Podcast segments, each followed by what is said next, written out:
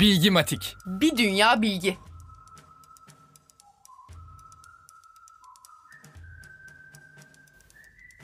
Annesi Tetis, oğlu Akilius'u ölümsüzlük nehri Styx'te yıkarken elini suya değdirmemesi öğütlendiği için sol topuğundan tutup suya batırmıştır çocuğunu.